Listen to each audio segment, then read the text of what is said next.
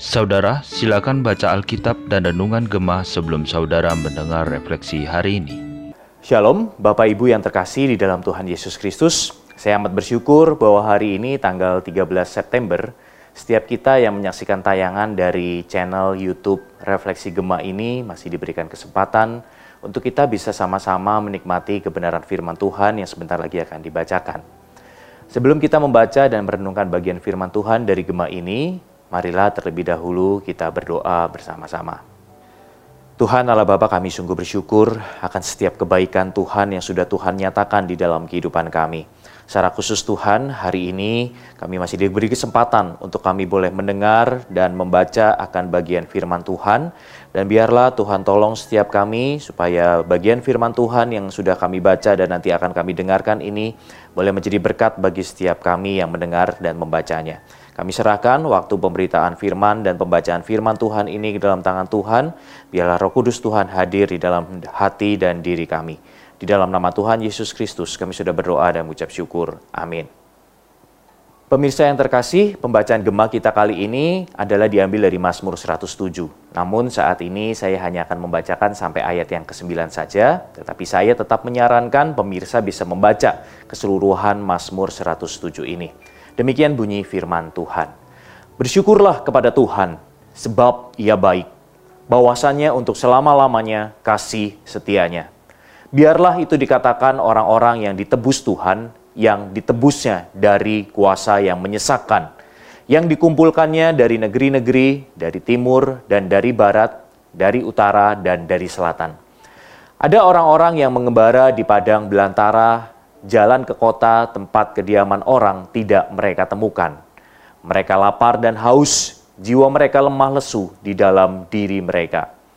Maka berseru-serulah mereka kepada Tuhan dalam kesesakan mereka, dan dilepaskannya mereka dari kecemasan mereka. Dibawanya mereka menempuh jalan yang lurus, sehingga sampai ke kota tempat kediaman orang. Biarlah mereka bersyukur kepada Tuhan karena kasih setianya, karena perbuatan-perbuatannya yang ajaib terhadap anak-anak manusia. Sebab dipuaskannya jiwa yang dahaga dan jiwa yang lapar dikenyangkannya dengan kebaikan. Jemaat Tuhan yang terkasih, penebusan Tuhan yang tercatat di ayat 2 yang diuraikan dalam bacaan Alkitab hari ini terbagi dalam empat kondisi yaitu penebusan yang pertama adalah penebusan bagi orang yang terhilang ada di ayat 4 sampai 5, lalu yang kedua kepada orang yang bersalah di ayat yang ke-10. Lalu orang yang sakit akibat dosa di ayat yang ke-17 dan orang yang dihempaskan badai di ayat 23 sampai 27. Dalam setiap kondisi selalu disebutkan bahwa mereka berseru-seru kepada Tuhan ada di ayat 6, 13, 19 dan 28. Dan Tuhan merespon dengan menolong mereka. Pertolongan Tuhan ini menunjukkan belas kasihan Tuhan yang diungkapkan melalui penebusan. Kata penebusan berasal dari kata menebus. Kata penebusan bisa menunjuk pada tindakan membayar biaya pembebasan seorang budak atau tawanan. Kalau kita membaca di dalam Rut pasal 4, penebusan menunjuk pada tindakan membeli tanah warisan keluarga agar tanah itu tidak jatuh ke tangan keluarga lain atau ke suku lain. Nah, di dalam Mazmur 107 ini, Kata penebusan menunjuk pada pertolongan bagi orang yang jalannya tersesat, pembebasan bagi orang yang dihukum karena perbuatannya yang jahat, lalu penyembuhan bagi orang yang sakit karena perbuatannya yang berdosa, serta kita bisa melihat ini adalah sebuah pertolongan bagi mereka yang terancam oleh bencana alam.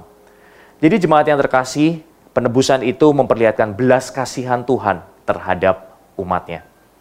Jemaat Tuhan yang terkasih, Kesadaran atas tindakan belas kasihan Tuhan itu direspon oleh pemazmur dengan menaikkan syukur pada Tuhan. Dia mengatakan, bersyukurlah kepada Tuhan, sebab ia baik. Ada di ayat yang pertama. Lalu biarlah, lalu pemazmur juga mengatakan, biarlah ia berpegang pada semuanya ini dan memperhatikan segala kemurahan Tuhan di ayat penutup di ayat yang ke-43.